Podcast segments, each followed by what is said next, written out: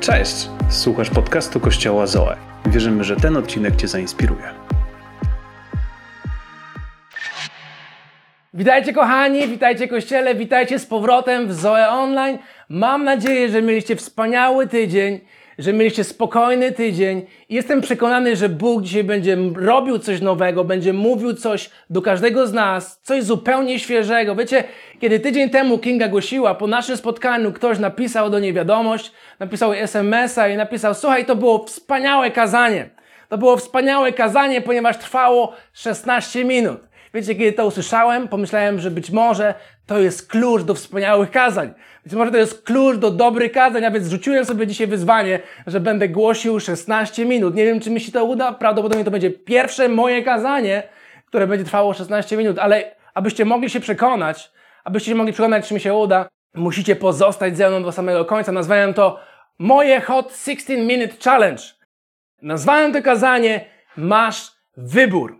Masz wybór. Jeśli jesteś z kimś, jeśli ktoś jest po twojej lewej, prawej stronie, odwróć się do niego i powiedz, hej, masz wybór. Masz w swoim życiu wybór. Nasze całe życie jest przepełnione różnego rodzaju wyborami. Każdego dnia stajemy przed różnymi wyborami. Niektóre są łatwe, niektóre są trudne, niektóre są miłe, przyjemne. Nie, od niektórych chcielibyśmy uciec. Na przykład niektórzy z nas muszą podjąć wybór i wybrać pracę. Czy będę pracował w tym miejscu, czy będę pracował w tym miejscu. Musimy wybrać, czy pójdę na takie studia, czy może pójdę na takie studia. Musimy wybrać, czy zamieszkam w tym mieszkaniu, wynajmę te mieszkanie, czy być może wynajmę te mieszkanie. Musimy wybrać, czy zjem dzisiaj na obiad pizzę, czy może zjem makaron, czy kupię diesla, czy kupię benzynę, czy kupię iPhone'a, czy kupię Samsunga, czy kupię takie buty, czy jakieś inne buty, bez względu na to, co to jest. Mamy każdego dnia wiele wyborów w naszym życiu. Nasze życie składa się z wyborów każdego dnia.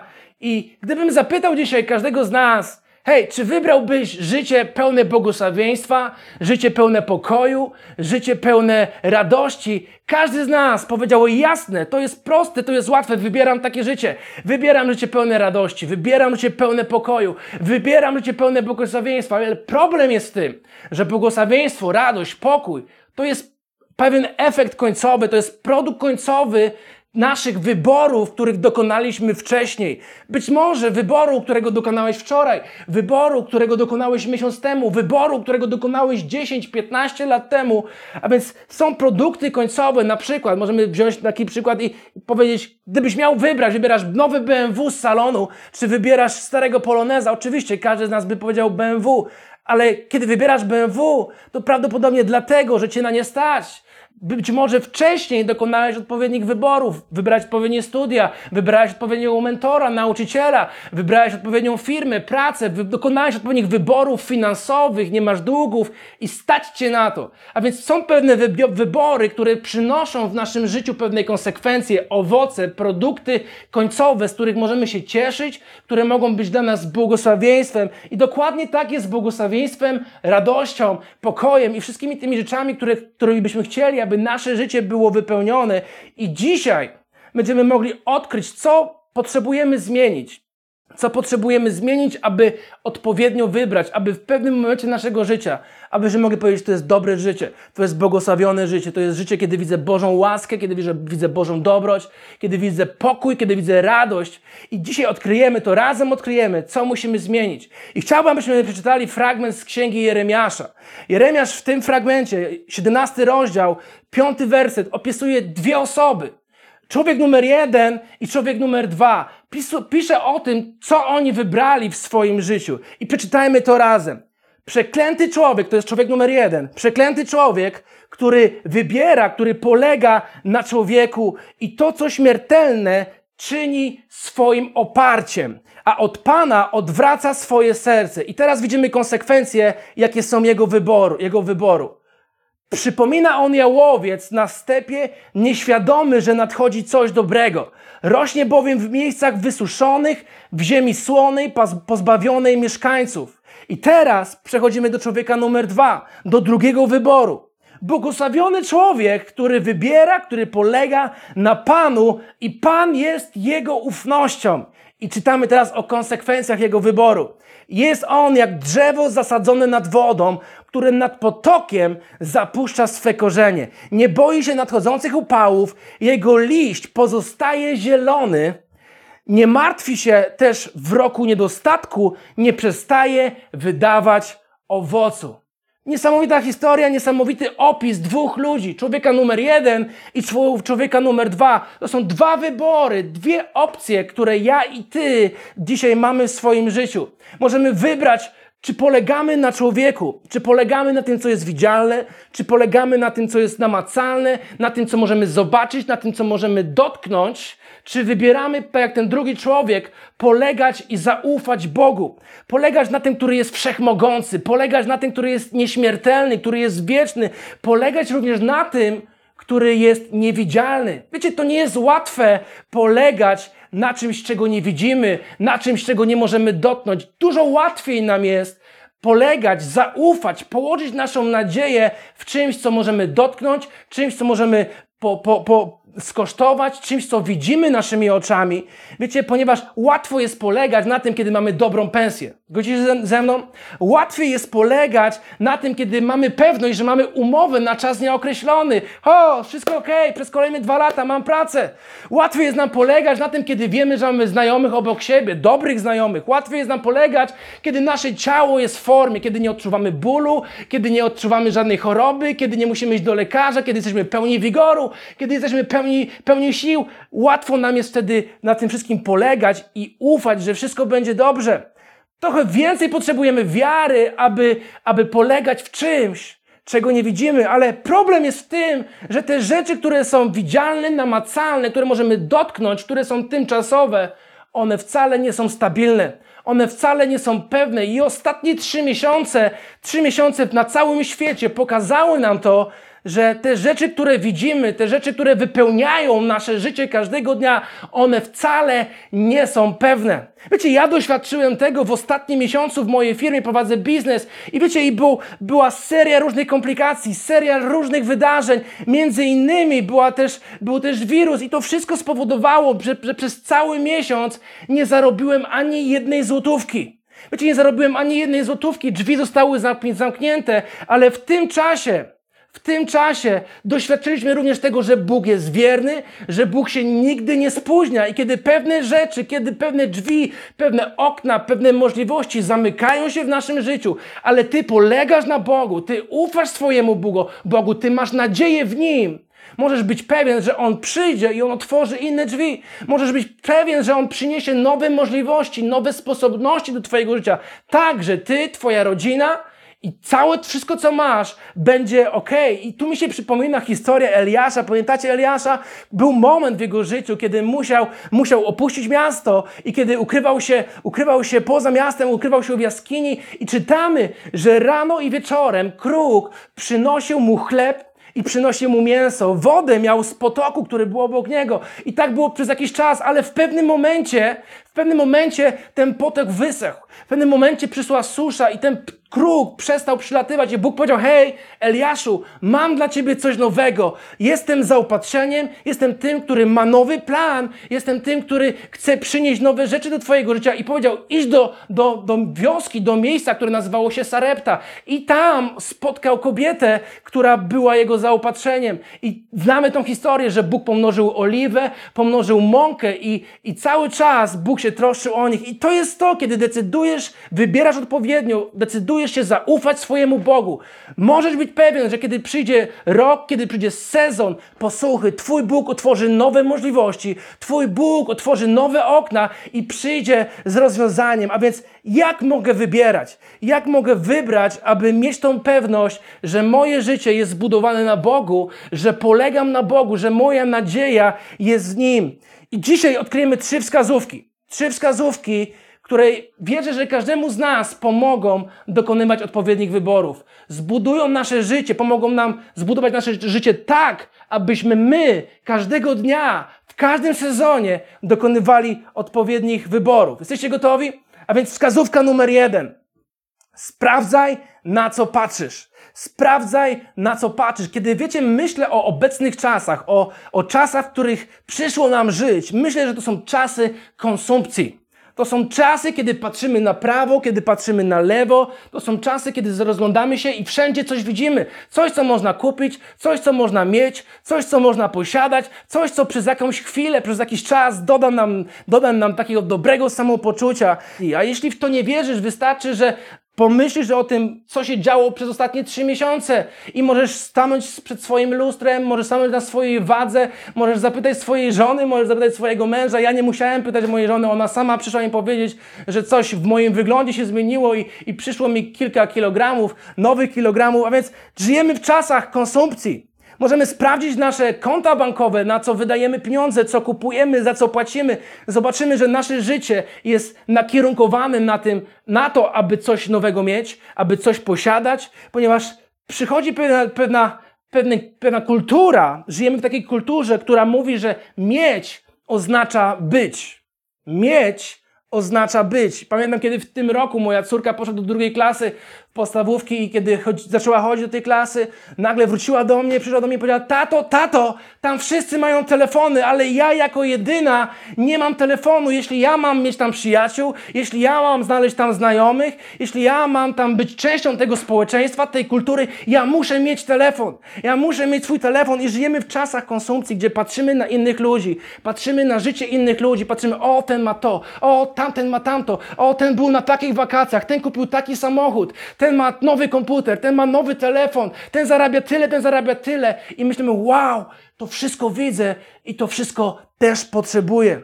Wiecie, tylko problem w tym, że, że kiedy patrzymy na to, co inni mają, to nie patrzymy na to, kim jesteśmy i na to, co mamy, co jest nas. I nasze poczucie wartości zaczyna być definiowane tym, co posiadamy, tym, co mamy, a nie tym, kim jesteśmy, nie tym, kim, co mamy w naszym sercu, nie tym, kim nas Bóg uczynił, nie tym, co mamy w naszej głowie, w naszym umyśle. Dlatego chcę Was zachęcić dzisiaj, abyśmy uważali, na co patrzymy, ponieważ jest tak wiele rzeczy, jest tak wiele rzeczy, jest wiele reklam, patrzymy na to, co jest modne. I przez to wszystko, co patrzymy na tą modę, na to wszystko, co jest na świecie, mówimy, ja też to chcę. I bierzemy ratę, i bierzemy drugą ratę, i być może bierzemy kredyt, ale kiedy mamy tak dużo rat i kredytów, zobowiązań, więc musimy pracować pracować więcej. I kiedy pracujemy więcej, w pewnym momencie coś nam umyka.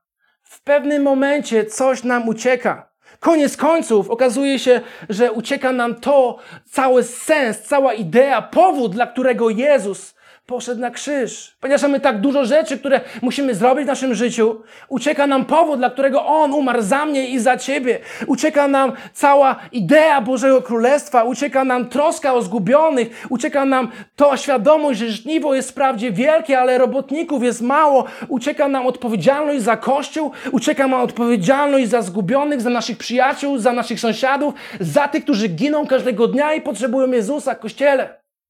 Jestem przekonany, że każdy z nas cały czas przed oczami powinien mieć to, dlaczego tu jesteśmy.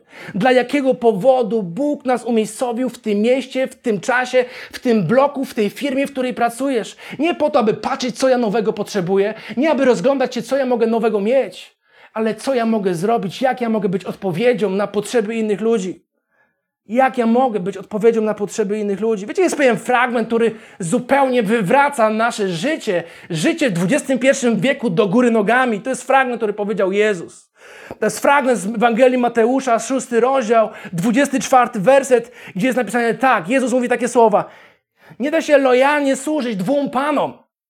Albo jednego nienawidzisz, a drugiego kochasz, Albo na odwrót, drugiego szanujesz, a pierwszego lekceważysz. Nie możecie równocześnie żyć dla Boga i dla pieniędzy. To jest niesamowity fragment. Ten fragment wywraca cały system wartości, który posiadamy w dzisiejszych czasach. I ten fragment być może jest niewygodny dla nas. Być może niektórzy już wyłączyli tą, tą transmisję, to spotkanie, ponieważ wow, to jest zbyt mocne.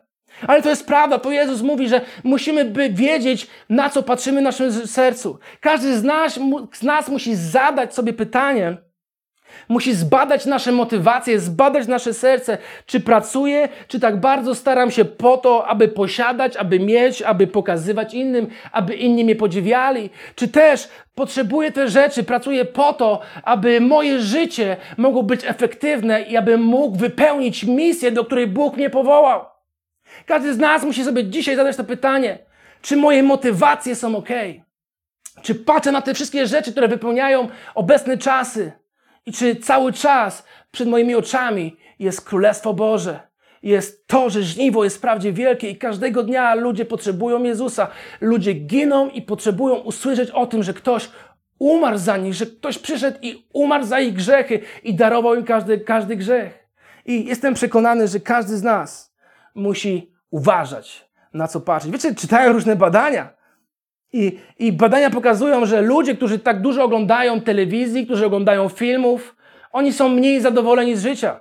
To jest ryzyko. To jest ryzyko, że kiedy patrzysz na różne rzeczy, twoja lista marzeń rośnie i twoje pragnienia materialne rosną do góry, ale twoja wdzięczność za to, co już posiadasz, za to, co Bóg ci dał, maleje. Inne, inne badania mówią, że kiedy patrzymy, dużo obserwujemy, kiedy czytamy, oglądamy reklamy, mówią, że, że głupiejemy, że nasz mózg, mózg się spowalnia i nasz mózg przestaje się rozwijać.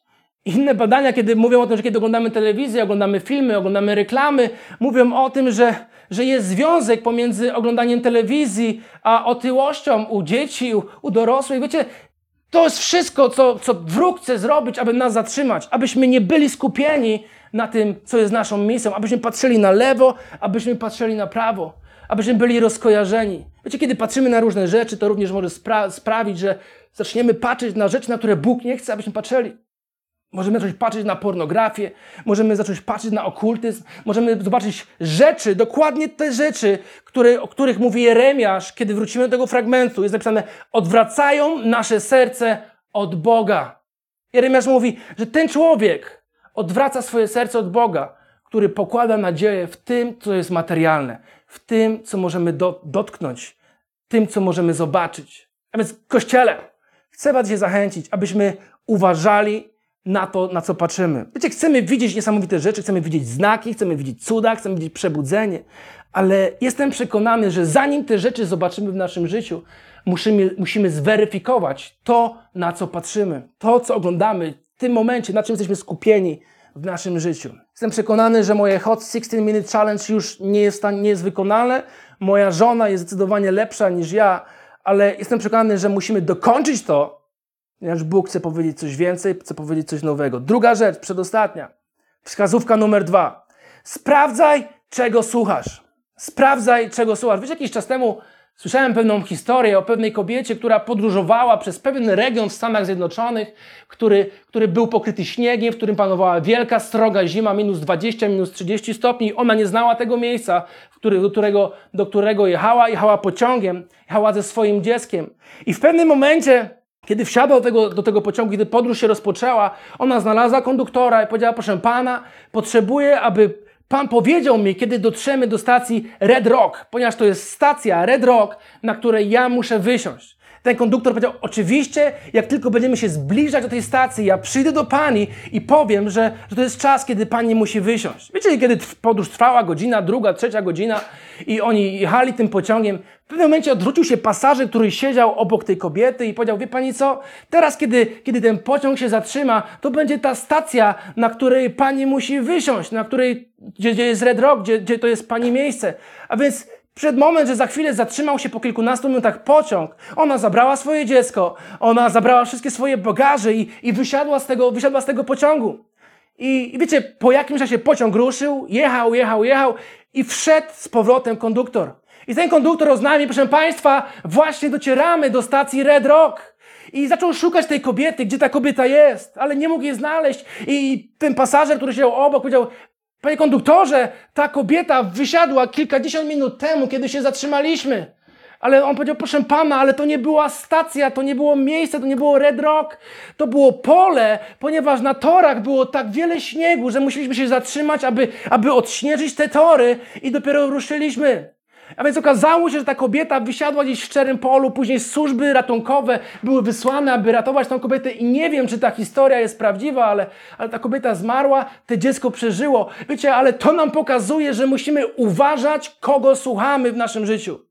Musimy uważać, komu pozwalamy mówić do naszego życia. Nasze życie jest wypełnione tysiącami informacji. Każdego dnia setki informacji nas bombarduje. Świat komunikuje się z nami bez przerwy. Nawet teraz jakieś informacje docierają do nas. Być może twój telefon dzwoni, być może widzisz, co twoje dzieci robią, oglądają, coś dociera do ciebie i słuchasz mnie. A więc cały czas bez przerwy świat komunikuje się z nami. Jakieś badania, trafiłem na badania, i, I, naukowcy stwierdzili, że nasz mózg ma pojemność 74 terabajtów. Ja nie wiem, jak oni to policzyli, ale stwierdzili, że nasz mózg ma pojemność 74 terabajtów. Wiecie, żeby to porównać do czegoś, możemy porównać to do pierwszej misji kosmicznej Apollo 1.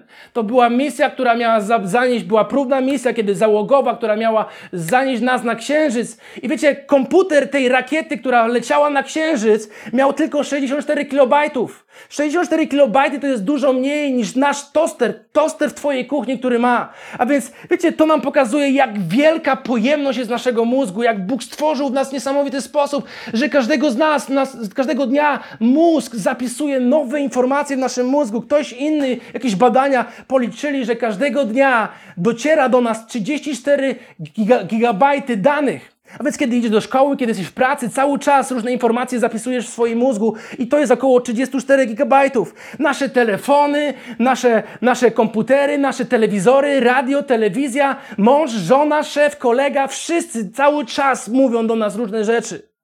Wiecie, i musimy uważać, co wpuszczamy do naszego, naszego życia, co wpuszczamy do naszego serca, co wpuszczamy do naszego mózgu, ponieważ te rzeczy, które wchodzą, one pomagają nam wybrać, komu będziemy poufać, na kim będziemy polegać. Czy zbudujesz swoje życie na tych namacalnych rzeczach, które możesz dotknąć, na człowieku, czy też zbudujesz swoje życie na ufności Bogu, który jest wielki, który jest potężny i który ma wszelką moc. Każdy z nas ma wybór. Każdy z nas ma wybór. Jestem przekonany, że Boże Słowo jest takim filtrem, czymś, co powinno filtrować, odcinać, odcinać pewne informacje, które wpadają do naszych uszu, ponieważ one mają wielką moc. Wiecie, Biblia mówi, że Boże Słowo buduje naszą wiarę, a więc Boże, produktem Bożego Słowa, słuchania Bożego Słowa jest wiara, natomiast produktem wiary jest nasze zaufanie Bogu. Możemy zaufać, że Bóg się zatroszczy o wszystko. A więc potrzebujemy być wypełnieni Bożym Słowem, słuchać Bożego Słowa, ponieważ błogosławiony człowiek, jeśli jego ufnością jest Pan, nie może być ufnością naszą Bóg, jeśli nie jesteśmy wypełnieni wiarą. A te wszystkie rzeczy, które każdego dnia wpadają do naszych uszu, one nie budują naszej wiary. A więc pamiętajmy, uważajmy na to, co słuchamy.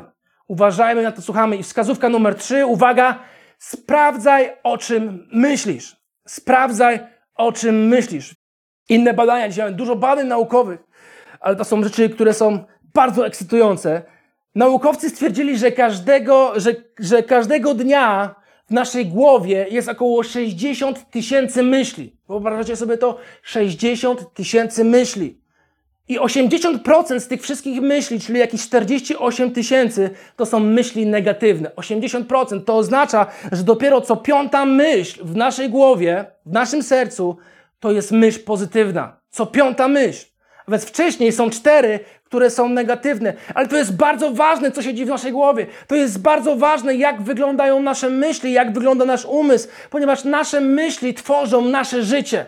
One tworzą Ciebie. Nasze myśli, one sprawiają, że możemy wybierać prawidłowo, że możemy wybierać to, co jest ważne, że możemy zaufać naszemu Bogu i położyć w Nim naszą ufność. Przy powieści Salomona, 23 rozdział, 7 werset, to jest niesamowity fragment. One mówią, bo jak człowiek myśli w swym sercu, taki on jest. Bo jak człowiek myśli w swoim sercu, jakie myśli są w Twojej głowie, takim jesteśmy. To znaczy, że nasze myśli nas tworzą. One kreują mnie, one kreują Ciebie. Myśli tworzą nasze życie, one tworzą nasze małżeństwo, one tworzą naszą przyszłość. One, one są w stanie nas zatrzymać w tym miejscu, że albo utkniemy i nie pójdziemy dalej, albo są w stanie nas popchnąć dalej w naszą przyszłość i, i popchnąć w miejsce, w które Bóg ma dla nas. Popchnąć w rzeczy, które Bóg chce, abyśmy zrobili w naszym życiu. I to właśnie są nasze myśli. One mają niesamowite znaczenie. To jest tak bardzo ważne, w jaki sposób myślisz. To jest tak bardzo ważne, czy myślisz w pozytywny sposób. Wiecie, możemy pomyśleć o tym, zadać sobie pytanie, co by było gdyby? Co by było gdyby da, zadać to pytanie w kontekście ludzi, którzy, którzy, byli, którzy są w Biblii. Mamy wiele bohaterów w Biblii. I zadajmy sobie pytanie, co by było gdyby, gdyby zaczęli myśleć negatywnie. Na przykład Noe. Noe, człowiek, który zbudował arkę. Co by było, gdyby zanim zaczął budować arkę, pomyślał, nie, nie, nie, to jest bez sensu. Przecież ludzie będą się śmiali ze mnie. Nie, nie, nie. Jak ta arka ma nas uratować przed potopem? Przecież nie może być tak wielkiego potopu. Ale on zaufał Bogu. On położył swoją nadzieję nie w tym, co widzialne, ale w tym, co niewidzialne. I dzięki temu Bóg uratował ich przed potopem. Kiedy możemy pomyśleć o Abrahamie, zobaczcie na Abrahama. Co by było gdyby? Co by było gdyby Abraham powiedział, nie, nie, moja żona Sara już jest za stara. I ona nie jest w stanie mieć dziecka. Ona nie jest w stanie już, Bóg nie jest w stanie w tym wieku dać nam dzieci. Co by było, gdyby negatywnie zaczął myśleć? I gdyby to zaczęło rosnąć w jego życiu i takie decyzje, takie wybory zaczął dokonywać, prawdopodobnie nie cieszyliby się synem Izaakiem i całym, całym narodem izraelskim. Co by było, gdyby co by było, gdyby Dawid, który stanął przed wielkim Goliatem, powiedział, o, jednak nie mam szans, jednak nie mam siły, aby, aby z nim walczyć, on jest dużo większy ode mnie. Prawdopodobnie Filistyni wygraliby z, Izraeli, z Izraelitami. I co by było, gdyby Jezus, Jezus Chrystus pomyślał, kiedy był w ogrodzie Getsemane, czytamy, że Jezus był w ogrodzie Getsemane, modlił się, trwał w modlitwie z Bogiem i powiedział, Boże, jeśli to możliwe, proszę oddal ode mnie ten kielich. Wiecie, to był wieczór, to był moment wielkiej presji, to był moment wielkiego ciśnienia, wielkiego obciążenia, to był moment strachu i lęku, w którym stał Jezus. I co by było, gdyby zaczął myśleć w negatywny sposób? Ja i Ty dzisiaj nie, mielibyśmy mieć nie moglibyśmy mieć pewności zbawienia tego, co Jezus zrobił dla każdego z nas. A więc to jest tak ważne, jakimi myślami wypełniamy nasz umysł i o czym myślimy, ponieważ Twoje myśli mają wpływ na Twoje życie, Twoje myśli mają wpływ na Twoje wybory, Twoje myśli mają wpływ na Twoje życie ludzi wokół Ciebie i na to, co Bóg chce zrobić i co Bóg zrobi przez Twoje życie. A więc ja dzisiaj chcę wybrać, chcę wybrać osobę, o której Jeremiasz pisze, że będę żył, będę polegał na Bogu. Moją nadzieją, moją ufnością będzie Pan, ponieważ wtedy życie będzie jak drzewo zasadzone nad wodą, które nad potokiem zapuszcza swe korzenie. Nie boi się nadchodzących upałów, jego liść pozostaje zielony. Nie martwi się też w tym czasie, w czasie niedostatku, nie przestaje wydawać owocu. Kościele Zoen. Chcę Was je zachęcić, abyśmy byli ludźmi, którzy ufają swojemu Bogu, którzy dokonują ważnych wyborów, ale aby dokonać ważnego wyboru, po pierwsze musimy uważać, na co patrzymy. Po drugie, musimy uważać na to, kogo słuchamy, co, co wchodzi do naszych uszu. I trzecie, musimy uważać, o czym myślimy, co się dzieje w naszej głowie, jakie mamy myśli. Ponieważ to wszystko jest, wpływa na to, jakich wyborów będziemy podejmować w kolejnych tygodniach, w kolejnych miesiącach i w kolejnych latach. Jestem przekonany, że Bóg przygotował niesamowite rzeczy dla każdego z nas. Ale my dzisiaj musimy dokonać odpowiedniego wyboru. Decyduję się polegać na moim Bogu. Ten fragment, którym czytaliśmy, on jest wyjątkowy, ponieważ tam jest napisane, że człowiek, który nie polega na Bogu, jest nieświadomy tego, co dobre ma przyjść. Co to znaczy, że nieświadomy? On się nie spodziewa tego, co Bóg może zrobić wyjątkowego. On nie oczekuje niczego lepszego. Ale człowiek, który polega na Bogu, on każdego dnia może wstać ze swojego łóżka i powiedzieć: Ja ufam, ja polegam na Bogu, ja się spodziewam, ja oczekuję wyjątkowych rzeczy, ja oczekuję, że Bóg dzisiaj zrobi coś wyjątkowego. Kochani, wierzę, że jesteście zachęceni. Wierzę, że Bóg mówi do każdego z nas. I jestem przekonany, że to będzie wspaniały tydzień. To będzie wspaniały tydzień dobrych wyborów dla każdego z nas. I o to się modlimy. I do zobaczenia. Do zobaczenia kolejnym razem. Wszystkiego dobrego. Kochamy Was. Dzięki, że byłeś z nami. Więcej informacji o naszym kościele znajdziesz na naszych mediach społecznościowych. Wierzymy, że najlepsze jest jeszcze przed nami.